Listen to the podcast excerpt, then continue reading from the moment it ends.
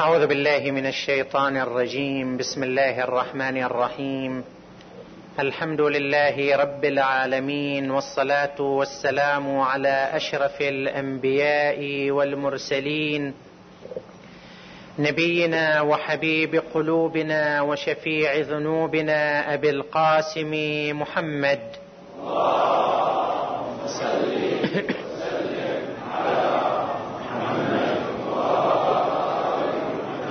صلى الله عليه وعلى آله الطيبين الطاهرين المعصومين. قال مولانا أمير المؤمنين علي بن أبي طالب صلوات الله وسلامه عليه. أنا ركزت فيكم راية الإيمان ووقفتكم على الحلال والحرام. وألبستكم العافية من عدلي وفرشتكم المعروف من قولي وفعلي وأريتكم كرائم الأخلاق من نفسي. صدق مولانا أمير المؤمنين علي بن أبي طالب صلوات الله وسلامه عليه. عطروا مجالسكم بالصلاة على محمد وآل محمد. وسلم.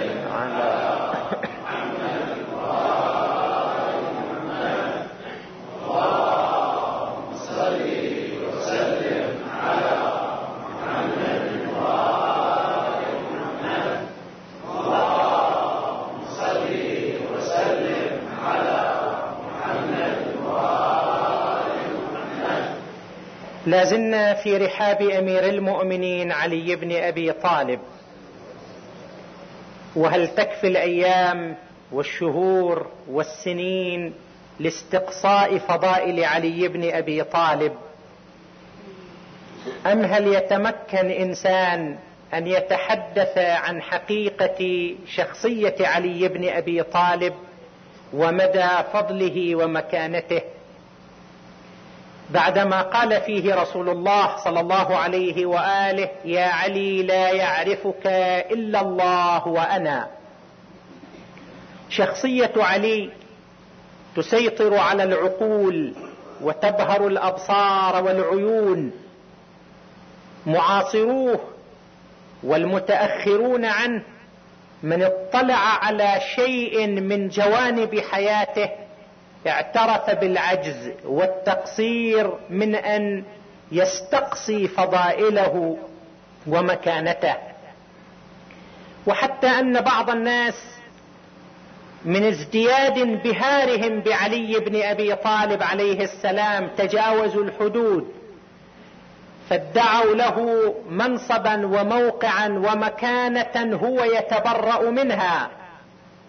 ادعوا له الربوبية والألوهية ولكنه تبرأ من مقالتهم واستتابهم عدة مرات ثم بعد ذلك أحرقهم بالنار.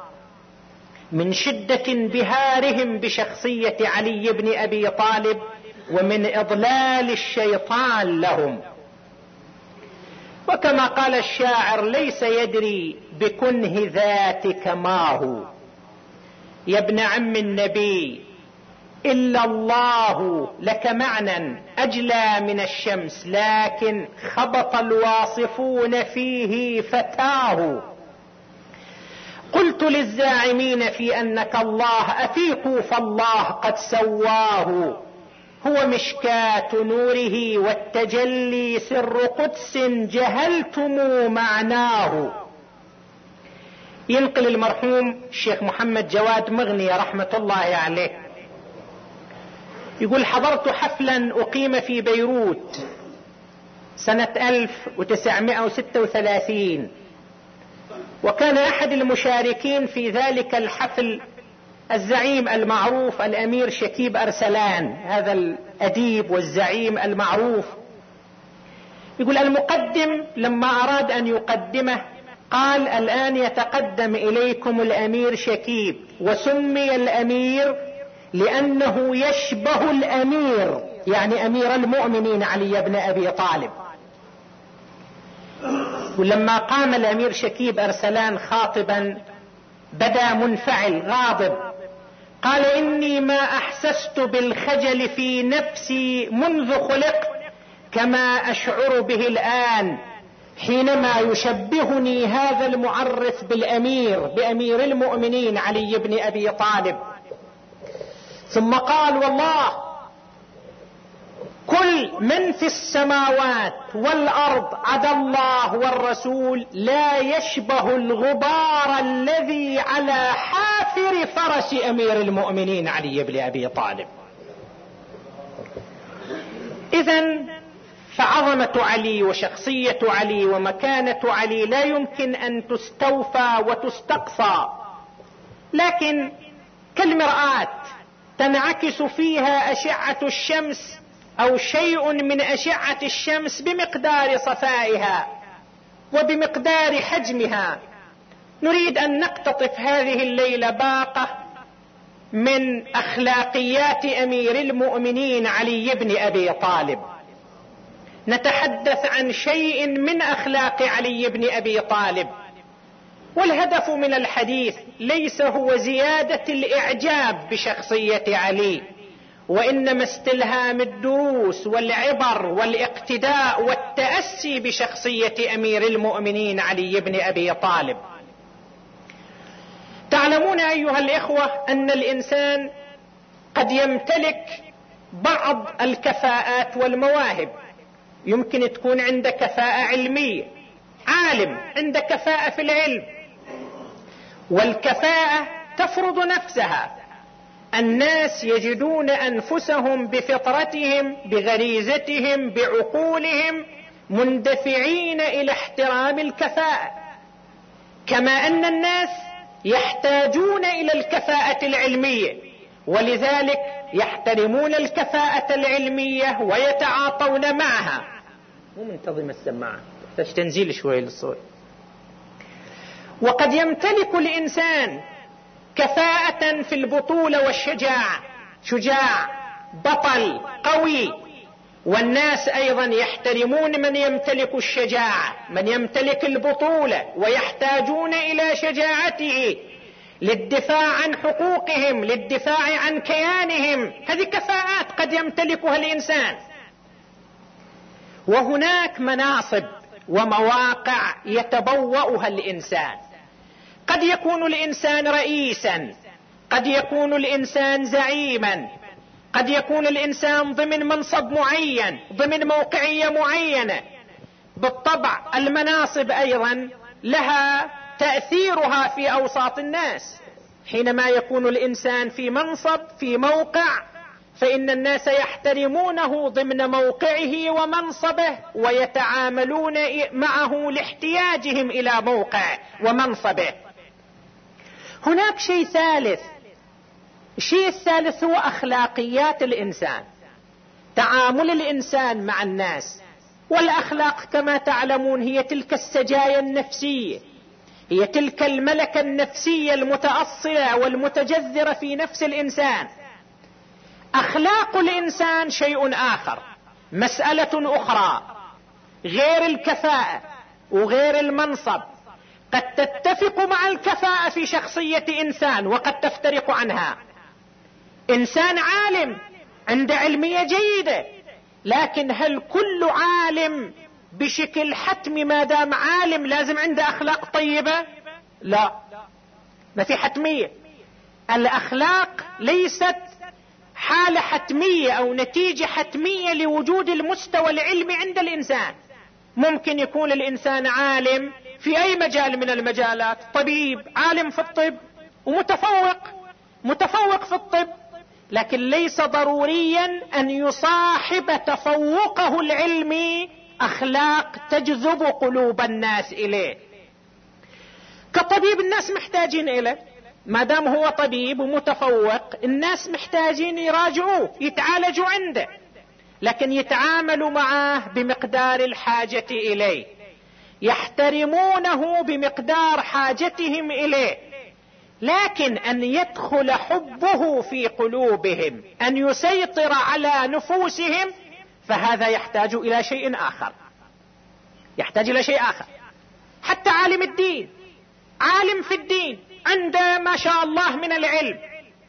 لكن كون عالم في الدين لا يعني أنه مئة في المئة أن يتصف بالأخلاق الجميلة التي تستقطب الناس. يفترض هكذا. المطلوب هكذا. لكن في بعض الأحيان لا يتوفق. في بعض الأحيان ما يتوفق للأخلاق الطيبة الجميلة. الناس يحتاجوا إلى كعالم دين يرجعون إليه في مسائلهم يتعاطون معه يحترمونه ضمن كفاءته العلمية لكن أن ينجذبوا إليه بقلوبهم أن يأسر نفوسهم هذا شيء آخر. ولذلك تشوف الأحاديث تأكد على ضرورة أن يرافق العلم الحلم والأخلاق. علم معه حلم. لماذا هذا التأكيد؟ لأن الأخلاق مو حالة حتمية مع المستوى العلمي. لذلك الأحاديث تأكد على ضرورة توفرها مع العلم. الشجاعه والبطولة. إنسان شجاع بطل. والمجتمع يحتاج إلى الأبطال يحتاج إلى الشجعان. حتى يدافعوا عن كيان ذلك المجتمع حقوق ذلك المجتمع. ولكن مسألة الأخلاق مسألة أخرى. شجاع بطل يحترم في حدود شجاعته وبطولته. انجذاب النفوس اليه حب القلوب اليه هذا يحتاج إلى سبب آخر إلى وسيلة أخرى. الوسيلة الأخرى هي الأخلاق. هي الأخلاق. هل هناك شخص يمتلك من الكفاءات كما يمتلك رسول الله نبينا صلى الله عليه وآله؟ وطبعا هذا مجاز نقول كفاءات. هل اللي عند رسول الله هل مكانا اللي عند رسول الله.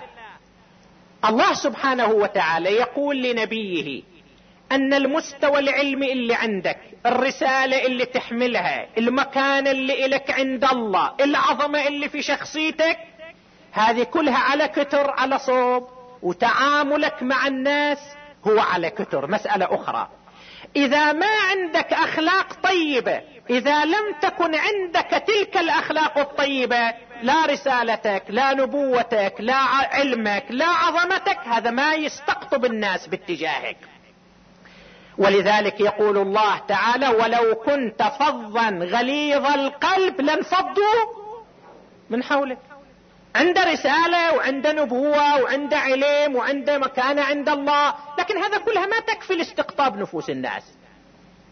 استقطاب النفوس استقطاب القلوب مودة الناس. هذه تحتاج لها وسيلة أخرى. يحتاج لها شيء آخر غير الكفاءة وغير المنصب والموقع. ممكن إنسان ضمن منصب حاكم مدير رئيس في شركة في مؤسسة مضطرين الناس اللي وياه يتعاملوا معه. وخاصة إذا كان أيضا هو يستخدم موقع استخدام سيء الناس مضطرين يحترموه. وكما ورد في الحديث شر الناس من احترم مخافة شره. حتى يكفوا شر يحترموا وما مقتنعين باحترامه. نفوسهم غير مقتنعة باحترامه لكن مضطرين يتعاطوا معه ويحترموه. هذا إذا كان ضمن موقع. أما إذا جمع الإنسان بين الكفاءة والأخلاق بين المنصب والأخلاق هذا يصبح هو الشيء المطلوب يصبح هو الإنسان المثالي الذي تخضع له ليس الأبدان فقط وإنما تخضع له القلوب قبل الأبدان. والمجتمع البشري في حاجة إلى ناس من هذا القبيل ناس يمتلكوا كفاءة ويمتلكوا أخلاق. يمتلكوا موقع منصب ويمتلكوا أخلاق. بل يمكن القول كلما كانت كفاءة الإنسان أكبر ومنصب الإنسان أكبر كان احتياجه إلى الأخلاق أكثر. ليش؟ لأن ما دام عنده كفاءة كفاءة تخليه في موقع متقدم تخليه في موقع متفوق فوق الناس. الناس يحسوا بثقله يحسوا هذا يعني حاجة مو عادية بينهم. فإذا ما كانت عنده أخلاق طيبة يصبح ثقيل على نفوس الناس. ويستخدم كفاءته استخدام سيء. الناس يشوفوا نفسهم مضطرين يتعاملوا معه لكن ما يحبوه. مضطرين يتعاملوا معه يتعاملوا معه لكن من باب إنا لله وإنا إليه راجعون. من باب وكم من يد قبلتها لضرورة. ما من جذب نفوسهم اليه فإذا كانت عند كفاءة أو كان عند منصب أو موقع وما كانت عند الأخلاق المطلوبة هذا وجوده يصير ثقيل على الناس. بينما إذا تحلى بالأخلاق الطيبة هذا وجوده يكون وجود يشعر الناس في ظله بالغبطه والسعادة. ولذلك يقول أمير المؤمنين علي بن أبي طالب عليه السلام عاشر الناس معاشرة إن غبتم حنوا إليكم وإن متم بكوا عليكم. يعني هناك انشداد نفسي. خلوا بينكم وبين الناس اللي تتعاملوا معاهم انشداد نفسي. مو تكون علاقة وظيفية. هذا حتى في رب العائلة أيضا نفس الشيء. الأب رب العائلة. باعتباره هو الاب هو رب العائلة الزوجة والأولاد والبنات مضطرين يخضعوا إلى بعد كما في الحديث لأنهم يرون أن رزقهم بيده. هو الذي يعيلهم هو اللي يتحمل شؤونهم وأمورهم. لكن في بعض الأحيان الأب يكون تعامله مع البيت مع العائلة مع الزوجة مع الأولاد. تعامل محبة تعامل عطف عند أخلاق في التعاطي والتعامل. هذا تشوف أهله يعيشون الغبطة ويعيشون السعادة في ظله وبعض الأحيان والعياذ بالله بالعكس. كما يعني موجود في بعض الحالات أنه تشوف الأولاد والأهل في خير ومرتاحين قبل ما يدخل الرجال البيت رب البيت. إذا دخل البيت يحمق على هذا ويضرب هذا وينهر هذا ويؤدي هذا ويحول البيت إلى جحيم. إلى جحيم. قال أمير المؤمنين سلام الله عليه من ساء خلقه من له أهله؟ اهله يملوا منه. لكن بعد مضطرين شو يسووا بعد؟ شو يسووا؟ أبوهم وهو رب البيت ويروا لأن رزقهم بيده مضطرين. بينما إذا اخلاقه طيبة لا. شوف مو الأبدان أبدان العائلة تخضع له وإنما قلوب العائلة تخضع له أيضا. وطبعا الإنسان حتى مع عائلته محاسب على اخلاقه وياهم ولذلك رسول الله صلى الله عليه وآله لما قام بمواراة سعد ابن معاذ معاذ ابن سعد لما قام بمواراته قال إنه ستصيبه ضمة في قبره. قالوا يا رسول الله ولماذا؟ عابد مجاهد وإنت بنفسك تشيع وإنت بنفسك تشارك في مواراته. قال لأنه كان سيء الخلق في أهله. مثل ما كان يضغط عليهم بأخلاقه القبر يضغط عليه بعد ما يدفن. لأنه كان سيء الخلق في أهله. طيب بعد هذه المقدمة تعالوا نقرأ حياة أمير المؤمنين علي بن أبي طالب. جمع كل هالمواصفات كفاءة. أحد عنده كفاءة مثل كفاءة علي بن أبي طالب؟ في العلم في البطولة الشجاعة الإدارة يعني كل الكفاءات والمواهب تجلت في علي بأجلى صورها وأرفع مظاهرها. العلم معروف علم علي بن أبي طالب. صاحب سلوني قبل أن تفقدوني. ما احتاج لأحد في مسألة واحتاج كل الناس إليه في مسائلهم. الشجاعة والبطولة. معروفة شجاعة علي بن أبي طالب. كان اسمه اسمه ينزل الرعب والخوف في قلوب الأبطال والفرسان. على صغر سنه على حداثة سنه لكن كانوا يخافوا. عمر ابن عبد ود العامري يوم سمع من أنت؟ قال علي بن أبي طالب. من سمع اسم علي ارتعدت فرائصه. قيل لعلي عليه السلام ما لنا نراك ما, جا ما جاهدت أحدا أو ما قاتلت أحدا إلا وجدلته وصرعته قال عليه السلام إني ما واجهت أحدا إلا وأعانني على نفسه. يعني يصاب بالخوف مما يسمع عن شجاعة علي بن أبي طالب. شجاعته كانت معروفة تتحدث عنها النساء في خدورها كما يقول الكتاب. فإذا شجاعة بطولة علم إدارة كفاءات في أروع الصور متوفرة عند علي بن أبي طالب. وبعدين المنصب اللي عند علي موقعيته عند الله موقعيته عند رسول الله صلى الله عليه وآله. كل الروايات إذا قرأناها صح تنقل روايات حول فضل بعض الأصحاب بعض الصحابة ولا شك الكثير من الصحابة لهم أيضا فضلهم ومكانتهم. لكن كما يقول الإمام أحمد بن حنبل لم يرد في حق أحد من أصحاب رسول الله ما ورد في حق علي بن أبي طالب. من كثرة الأحاديث من كونها أحاديث صحيحة في أغلبها بينما أحاديث أخرى بعضها تكون مصطنعة. لأن معاوية ابن أبي سفيان جاب لجماعة مرتزقة يصطنعوا أحاديث في فضائل بعض الأصحاب في مقابل فضائل علي بن أبي طالب. لكن فضائل الإمام علي عند التمحيص تمحيص السند رجالات الرواية تشوف لا في أغلبها صحيحة مروية في كل كتب المسلمين. قال له رسول الله صلى الله عليه وآله أنا وأنت يا علي من شجرة واحدة وسائر الناس من شجر شتى. علي مني بمنزلة هارون من موسى إلا أنه لا نبي بعدي. حديث ما شاء الله حول علي بن أبي طالب. وبعد ذلك لفترة أيضا أصبح الإمام علي حاكم. حاكم على المسلمين. اختاروه اجتمعوا كلهم كما تحدثنا وأصبح حاكم فعلي نحن نعتقد أنه الخليفة والحاكم المعين من قبل الله سبحانه وتعالى. لكن عملا سنه حينما انتخب سنة 35 هجرية أصبح حاكم فعلي يحكم المسلمين. طيب يمتلك الكفاءات العظيمة. وعندها المنصب موقع الحكم حاكم. فكيف كانت أخلاق علي بن أبي طالب؟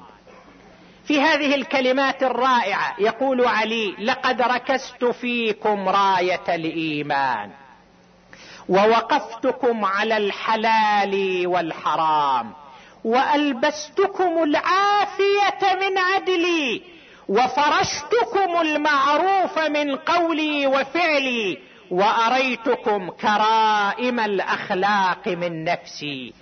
تعالوا نأخذ بعض المفردات من أخلاق علي بن أبي طالب. على هذه الكفاءة العظيمة على هذا الموقع العظيم اللي عنده كيف كان علي يتعامل مع الناس؟ كيف كان يتعاطى مع الناس؟ كان علي يتعاطى بتلك الأخلاق العظيمة الرائعة اللي هو كان يوصف فيها المسلمين. الإمام علي عليه السلام له خطابات وكلمات كثيرة حول أهمية الأخلاق وحول ضرورة الأخلاق. قال عليه السلام أكمل الناس إيمانا أحسنهم أخلاقا. أكمل الناس إيمانا أحسنهم أخلاقا. وقال عليه السلام من ساء خلقه فقد عذب نفسه. الإنسان اللي أخلاقه سيئة مو بس يأذي غيره يأذي الآخرين يأذي نفسه هو هو نفسه. وسئل عليه السلام من أدوم الناس غما؟ منه اللي دائما مغموم مهموم. من أدوم الناس غما؟ قال أسوأهم اخلاقا. أسوأهم اخلاقا. هذا أدوم الناس غما. علي بن أبي طالب الذي يتحدث عن الأخلاق هكذا سلوكه سابق لقوله. سلوكه وتعامل مع الناس. أيام خلافته أيام كان حاكما على الناس. نجيب بعض الروايات الموجزة عن أخلاق أمير المؤمنين علي بن أبي طالب. يقول قنبر جاء لعلي ضيف أب ومعه ولده. ضيفان يعني أب وابنه. جاء في ضيافة أمير المؤمنين علي بن أبي طالب. قام الإمام بنفسه وقدم لهم الطعام. قدم لهم الطعام. طيب إلى هنا المسألة طبيعية. بعد أن انهي الطعام جئت أنا يعني قنبر بطشت الماء وابريق بالطشت وإبريق الماء حتى أصب الماء على يد الرجل يغسل إيده بعد ما تناول الطعام. فبادرني علي قال دعني فأنا أولى منك بخدمة ضيفي. واجا علي وقدم الطشت. الرجل ما تحمل. يا أمير المؤمنين كيف يراني الله وأنت تصب الماء على يدي؟ قال يراك الله. اسمع اسمع اسمع كلام علي. يراك الله وأخوك الذي لا يتميز عنك. يخدمك طمعا في رحمة الله وجنته. بالله عليك إلا ما غسلت يدك مطمئنا كما لو كان قنبر يصب عليك الماء. لا تقول علي قاعد يصب عليه الماء وتستعجل ترتبك لا اعتبر قنبر قاعد يصب عليك الماء. استمر الإمام يصب عليه الماء صب على إيد الماء وهو يغسل ايده لما خلص التفت الإمام إلى ولده محمد بن الحنفي. قال بني صب أنت الماء على يد الولد. فإن الله يأبى أن يسوى الولد مع أبيه ما دام قد جاء معا. ولو جاءني الولد وحده لصببت الماء على يده. لكن أنت قوم صب الماء على يد الولد. فهو صب الماء على يد الأب وخلى ابن محمد بن الحنفية يصب الماء على يد الولد هذه أخلاق علي بن أبي طالب. يخرج عليه السلام إلى السوق ويشتري حاجات من السوق. حاكم زعيم رئيس دولة كبيرة. تعادل خمسين دولة من دولنا اليوم. الدولة الإسلامية الكبيرة آنذاك. يطلع إلى السوق. يشتري التمر يشتري الطعام. ويضعه يحمله في طرف ردائه. يجوا لبعض أصحابه يا أمير المؤمنين نحن أولى منك. إحنا نحمل الطعام نكفيك حمل الطعام. قال صاحب العيال أولى بحمل الطعام إلى عياله. وينسب إليه هذا الشعر ما ينقص الكامل من كماله ما جر من نفع إلى عياله. ويحمل الطعام إلى عائلته. هذه أخلاق علي بن أبي طالب. هذا تواضع علي بن أبي طالب. هذا تعامل مع الناس. هذا التواضع. نجي إلى مسألة أخرى الحلم وتعامله مع أعدائه تعامله مع المخالفين له. وطبعا الأخلاق تبرز هنا. الأخلاق الحقيقية تبرز هنا. مو مع اللي توافق وياك تطلع أخلاقك. طبعا الناس اللي منسجمين معاك ومتوافقين وياك طبيعي تتعامل معهم بالأخلاق. ليش؟ لأن في مصلحة مشتركة عندك وياهم في نوع من التناغم والانسجام. لكن الفخر أن تستخدم الأخلاق الطيبة مع من يخالفك مع من يعاديك مع من يستثيرك. مع من يستثير ويهيج مشاعرك وعواطفك. إحنا إذا قدرت تسيطر على نفسك وتستخدم أخلاقك هذه هذه قمة الأخلاق. ولا أحد يبلغ شأو علي بن أبي طالب في هذا الأمر. شلون كانت أخلاقه حتى مع أعداء أعدائه. حينما قتل عمر ابن عبد ود طبعا معروفة القصة. قام عن صدره بعد ما جدل على الأرض قام عنه وتنحى لفترة ثم عاد إليه واحتز رأسه. سئل يا علي لماذا أمهلت عدو الله؟ ليش ما قمت باللازم مرة واحدة ليش أمهلت هذه الفترة؟ قال لما جلست على صدره وأردت أن أحتز نحره فتح عينه نظر الي وقال كلمات بذيئة ثم بصق في وجهي فخفت إن أنا قتلته في ذلك الوقت. أكون قد قتلته انتقاما لنفسي. وأنا ما اريد تدخلني هالمشاعر. أريد أن أقتله خالصا لوجه الله. فتنحيت هنيئة حتى سكن غضبي ثم عدت إليه واجهزت عليه بنية خالصة لله سبحانه وتعالى. ولذلك استحق ذلك الوسام ضربة علي لعمر تساوي أعمال الثقلين إلى يوم القيامة. وقال فيه رسول الله صلى الله عليه وآله ذلك اليوم برز الإيمان كله إلى الشرك كله. هذا مو موضوع شاهدنا هذا مقدمة موضع الشاهد. ترك سلبه عليه ما سلبه. وعادة إذا واحد جد الفارس ياخذ ثيابه وياخذ ما عليه من سلاح وأشياء غنيمة يأخذها. فكل الناس جوا يا علي أنت قتلته أنت أولى الناس بسلبه لماذا لم تسلبه؟ قال شوف الأخلاق. لما بركت على صدره.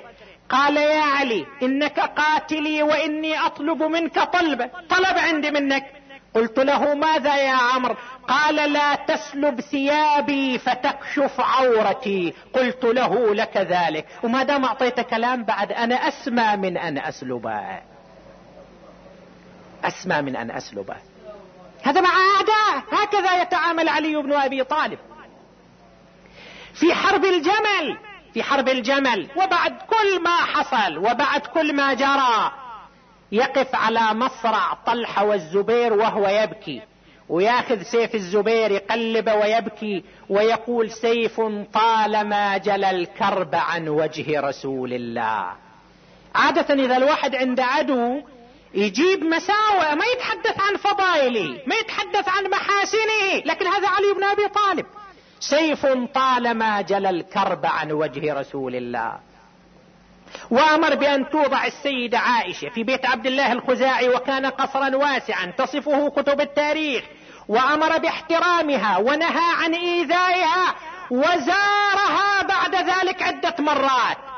جاية تحاربه تحاربه وقد قتل في تلك الواقعة أربعون ألف تحت راية السيدة عائشة يعني لما شنت الحرب. من الطرفين أربعون ألف قتلوا.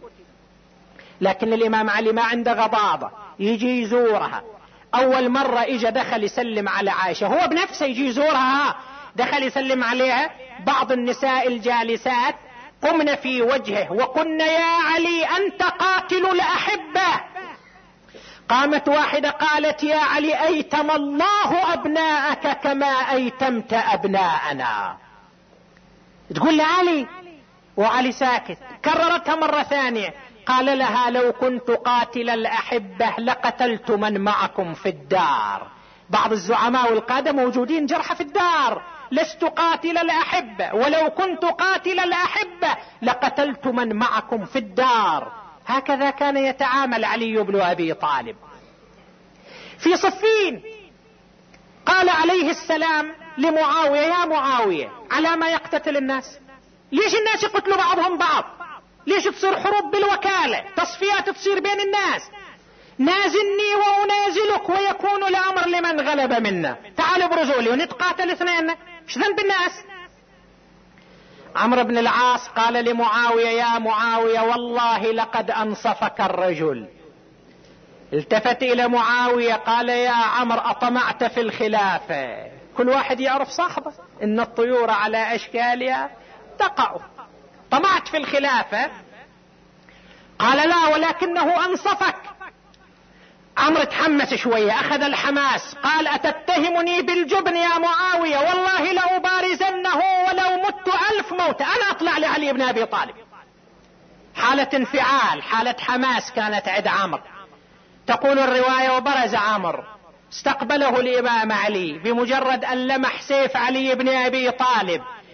سقط على الأرض. رواية تقول طعنه الإمام أو أصابه الإمام بطرف سيفه. سقط على الأرض. عرف أن الموت مدركه فكشف عن سوءته وعورته. فصد عنه علي بن أبي طالب. أصحابه قالوا يا أبا الحسن فاتك الرجل. الآن هو على الأرض. مجدل على الأرض. قال لقد كشف عن عورته فصرفت وجهي عنه حياء.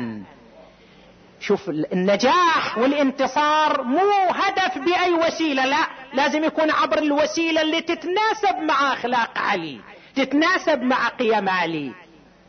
صرفت وجهي عنه حياء وقام عبر عمرو بن العاص واجى فقال له معاوية يا عمرو احمد الله وعورتك فلولاها لما سلمت ببركة عورتك أنت نجوت.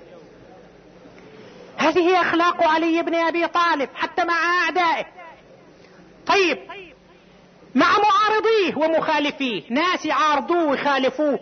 قرأت رواية جدا يعني عجيبة لكنها ليست عجيبة على أخلاق علي بن أبي طالب. الرواية مذكورة في الاحتجاج.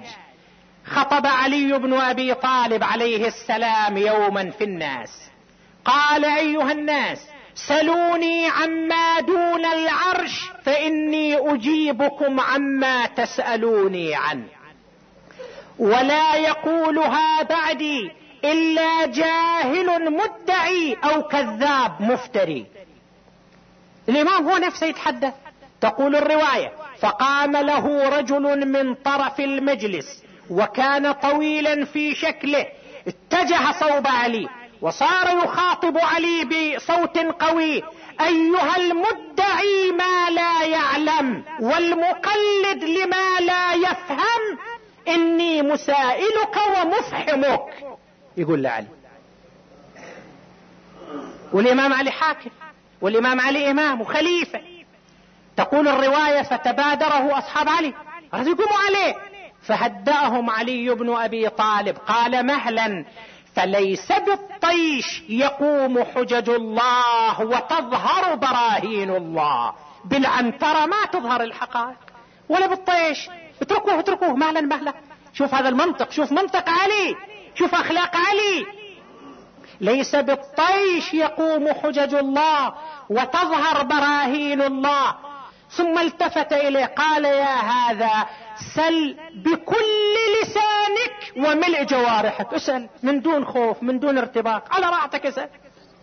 تقول الرواية فوجه لعلي بضع مسائل.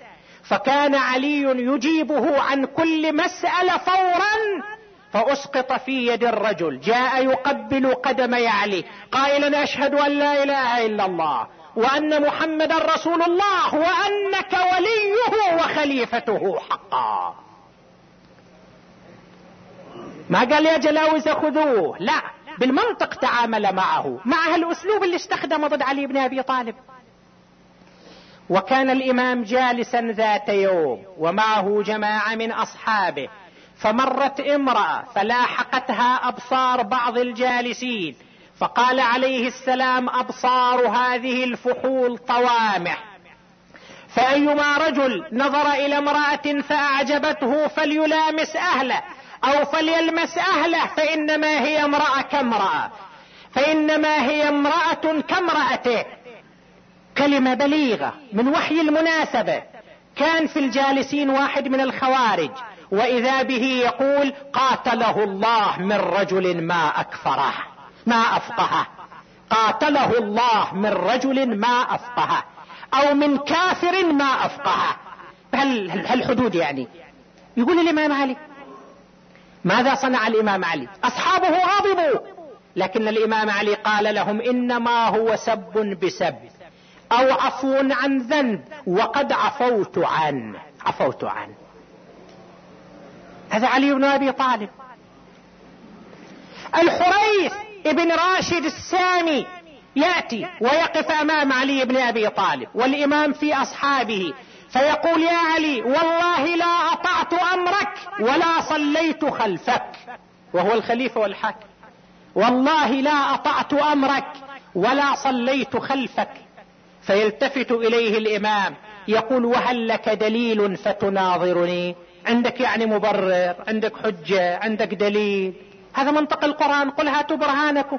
وهل لك دليل فتناظرني. عندك حجة عندك دليل. قال نعم اناظرك واحاججك قال تفضل. قال بس مو اليوم بكرة. أنا أروح وأجي. ليس اليوم. أذهب إلى أهلي وأتيك.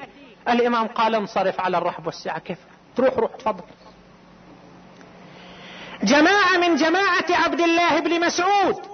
لما أراد الإمام علي عليه السلام طالع باتجاه حرب صفين جاءوا إلى الإمام علي يا أبا الحسن نخرج معك ولا نكون في معسكرك ولا نكون معك في القتال ولكن نكون على الحياد وننظر أي الجيشين يبغي على صاحبه فنكون معه ما ما نشارك وياك من البداية؟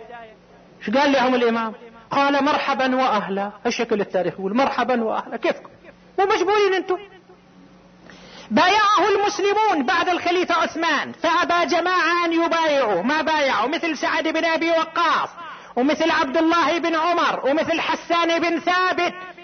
قالوا يا أمير المؤمنين ألا تطلب منهم البيعة ألا تجبرهم على البيعة قال لا حاجة لنا في من لا حاجة له فينا. ما جو كيفهم؟ روح وراهم. أين تجد مثل هذه الأخلاق؟ مثل هذه القيم؟ تحصلها عند غير علي بن أبي طالب. وهو في كفاءته وهو في منصبه وهو في موقعه. وأخيرا نتحدث عن هذا الجانب تصدي علي بن أبي طالب لقضاء حوائج الناس. كان لا يرى صاحب حاجة إلا ويبادر إلى قضاء حاجته مهما كانت الظروف.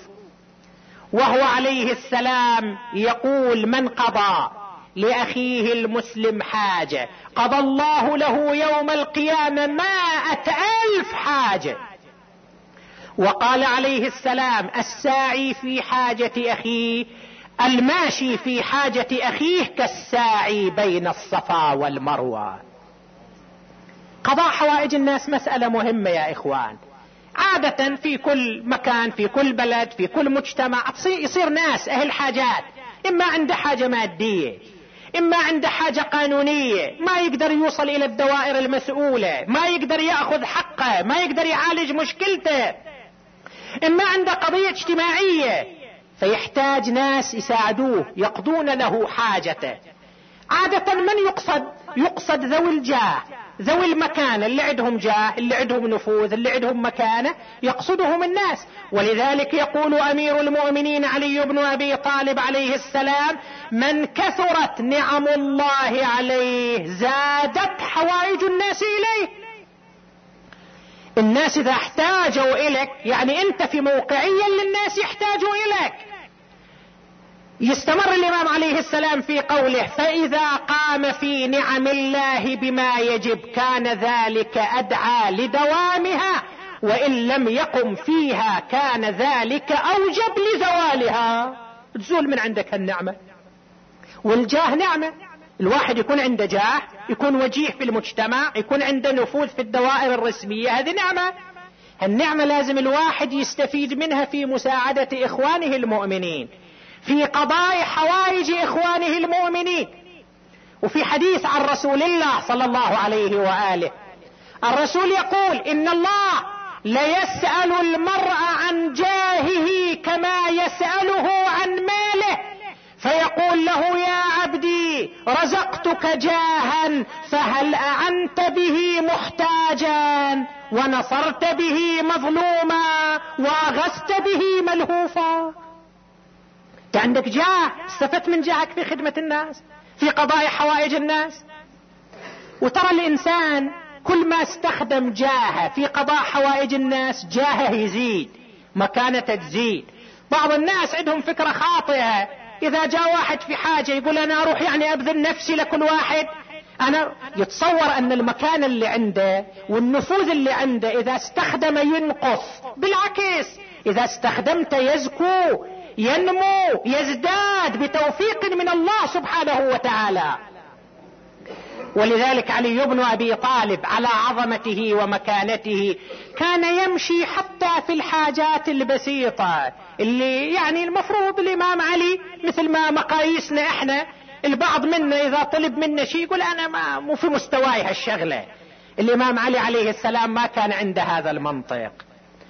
كان عليه السلام يسير ذات يوم في السوق عند سوق التمارين يبيعوا تمر فرأى جارية واقفة تبكي.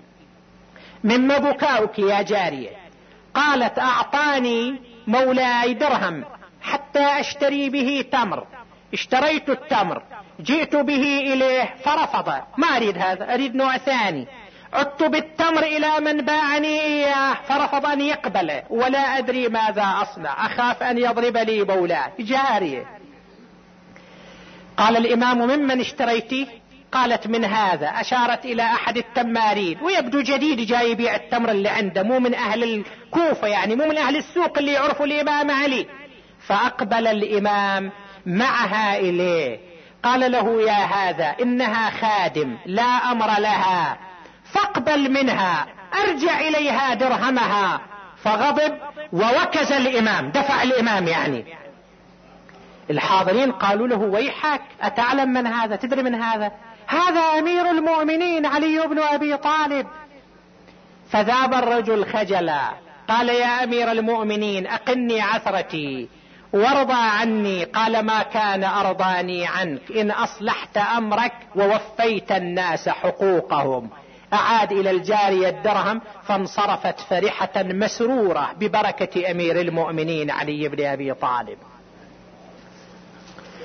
رواية أخرى جاء علي بن أبي طالب إلى بيته في وقت القيض ظهر حر وكان علي يتصبب عرقا. بعد ما أدى كل مهام وواجباته وإذا امرأة واقفة على باب الدار.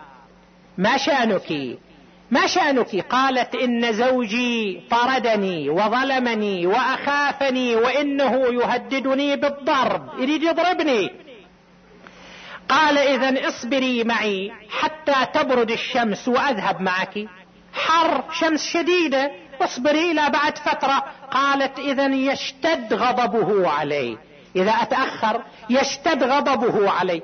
تقول الرواية فطأطأ علي برأسه. وقال لا والله أو يؤخذ للضعيف حقه غير متعتع تفضلي أذهب معك إلى دارك. واجته الامام علي وياها وهو يتصبب عرقا وقف على باب الدار سلم. خرج له شاب مفتول العضلات.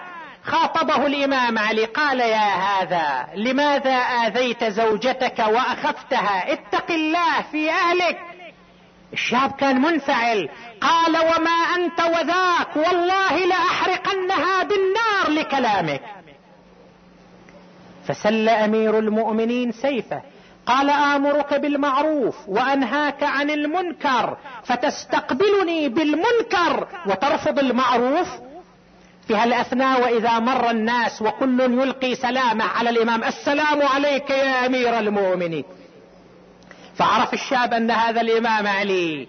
فذاب خجلا قال يا أمير المؤمنين ارضى عني. والله لأكونن لها أرضا تطوني خلي تدوس علي بس أنت ترضى عني يا أبا الحسن. بس أنت ترضى عني يا علي. قال لها ادخلي ولا تلجئي زوجك لهذا وأشباهه وأمثاله. هكذا كان علي يتعامل مع الناس. هكذا كان علي يتعاطى مع الناس على كفاءته على منصبه على عظمته. فلتكن أخلاقه قدوة لنا. الإنسان لازم يتعامل مع الناس بالرفق باللين بالحلم بالأخلاق الطيبة. الليلة تذكر بعض الروايات حادثة. هي تمثل شيء من أخلاق أمير المؤمنين علي بن أبي طالب. تعلمون أن أمير المؤمنين ووري الثرى ودفن في هذه الليلة لأن حسب وصيته لازم يدفن في الليل وقبر أيضا يكون مستور مو معروف لأن الخوارج ولأن أعداء علي لو كانوا يعلمون قبر علي بن أبي طالب يمكن ينبشوا قبره ويخرجون جثته. ولذلك أمر اولاده بأن يدفنوه ليلا وأن يخفوا قبره. الرواية تقول بعد ما خلص الحسنان ومن معهم من إخوتهم والأصحاب خلص الأصحاب من دفن علي. عاد الحسنان باتجاه الكوفة في الليل. في أطراف الكوفة عند مدخل الكوفة. مر الحسنان على كوخ كوخ. وفي داخل ذلك الكوخ شيخ كبير مكفوف البصر أعمى. سمع الحسنان أنين وبكاء من داخل الكوخ. طبعا دول أولاد علي. ويمروا على كوخ حالة ضعف حالة حاجة ومسكنة ويسمعوا أنين داخل الكوخ. استوقفهما هذا الصوت. فدخلوا على ذلك الرجل. دخلوا الكوخ شافوا شيخ كبير في السن مكفوف البصر جالس وهو يبكي في حالة من الضعف في حالة من الانهيار الجسمي. جلسا عنده يا شيخ مما بكاؤك؟ قال أنا شيخ. مكفوف البصر وفي هذا الكوخ ما عندي ولد ما عندي أخ ما عندي أحد يعطف علي كان هنالك رجل يأتيني في كل ليلة. إذا هدأت النفوس ونامت العيون في الليل واحد معودني يجي كل ليلة ويأتي لي بالطعام والشراب. فيطعم لي ويسقي لي ويحادث لي ويؤنس لي. فلا يخرج عني إلا وأنا شبعان. طيب النفس. وهذه ثلاث ليالي ما شفت باجة لهذا الرجل. وقد افتقدته منذ ثلاث ليال. ولا أعلم ماذا أصاب هذا الرجل. فأبكي لجوعي ولما حل بي. وأبكي لفقدي ذلك الرجل الذي يؤلس لي. زين أيها الشيخ تعرف اسمه؟ شنو اسمه؟ قال لا يخبر لي باسمه. طالما سألته فيقول أنا عبد الله أرجو رحمة الله. ما يخبر لي باسمه. طيب تعرف صفاته؟ شنو صفات ذلك الرجل؟ قال على رجل الكفيف ولكن أذكر لكم شيئا من أخلاقه من منطقه من كلامه الذي سمعته منه. وصار يحدثهم كان يقول لي كذا وكذا كان صوته كذا وكذا كان وقع خطوات كذا وكذا فاختلق الحسنان بعبرتهما. قال يا شيخ وما تعرف ذلك الرجل؟ من من ذلك الرجل؟ قال عظم الله لك الأجر. ذاك ابونا أمير المؤمنين علي بن أبي طالب. وقد أصابه اشقى الاشقياء وقد رجعنا الآن من دفنه لطم الشيخ على رأسه صاح وعلياه وإبابا ووقع مغشيا عليه وتقول الرواية أنه فاضت روحه أيضا في تلك اللحظة وتلك الساعة. هذا مجرد أن يقعد ويا علي لحظات. هالشكل كان تأثر بمصيبة علي. معاوية يسأل ضرار ابن ضمرة بعد ما وصف الإمام علي. قال فما مدى حزنك على علي؟ قال يا معاوية حزن من ذبح ولدها الوحيد على صدرها فهي لا ترقى لها عبرا ولا تسكن لها أن. اللي عايشين ويا علي يتحسسوا ألم فقد علي بن أبي طالب. إذا كيف حال ابنته زينب؟ زينب الليلة كيف حالها اللي كانت عايشة مع علي بن أبي طالب وكانت دائما مع أبيها علي. في مثل هذه الليلة تدخل إلى محراب أبيها تراه خاليا. تنظر إلى منبره تراه خاليا. تنظر إلى مكان جلوسه تراه خاليا. تدور في وسط الدار وهي تنادي وأبتاه ويتماه العيد مقبل والحزين زايد علي عاينت دار المرتضى من خليه. فقد الأبو نغاص علينا. العيد ومن الصبح باكر علي احزاني تزيد. نبكي ونلطم والبكى واللطم ما يفيد. نشبت مخالبها بحشاشتنا المني محلى الابو في العيد لو جمع أولاده ولبسهم الزينة على جاري العهد. يرفرف عليهم بالهنا طير السعادة. يطيب القلب وتصير عيشتهم هني وإحنا أبونا قبل عيده بتسعة أيام. سافر وخلانا وصرنا بعدها وفرحنا راحت وصار العيد. فقل للشامتين بنا أفيقوا. اللهم صل على محمد وآل محمد. اللهم آجرنا في مصيبة إمامنا. اللهم ثبتنا على ولاية أمير المؤمنين. واجعلنا من السائرين على طريقه والآخذين بتعاليمه. اللهم احشرنا يوم القيامه في زمرته. اللهم اجعلنا في هذا الشهر الشريف من عتقائك من جهنم. وطلقائك من النار ومن سعداء خلقك بمغفرتك ورضوانك يا كريم. وإلى أرواح أمواتنا وأموات الحاضرين والمؤمنين والمؤمنات نهدي للجميع ثواب الفاتحة مع الصلوات.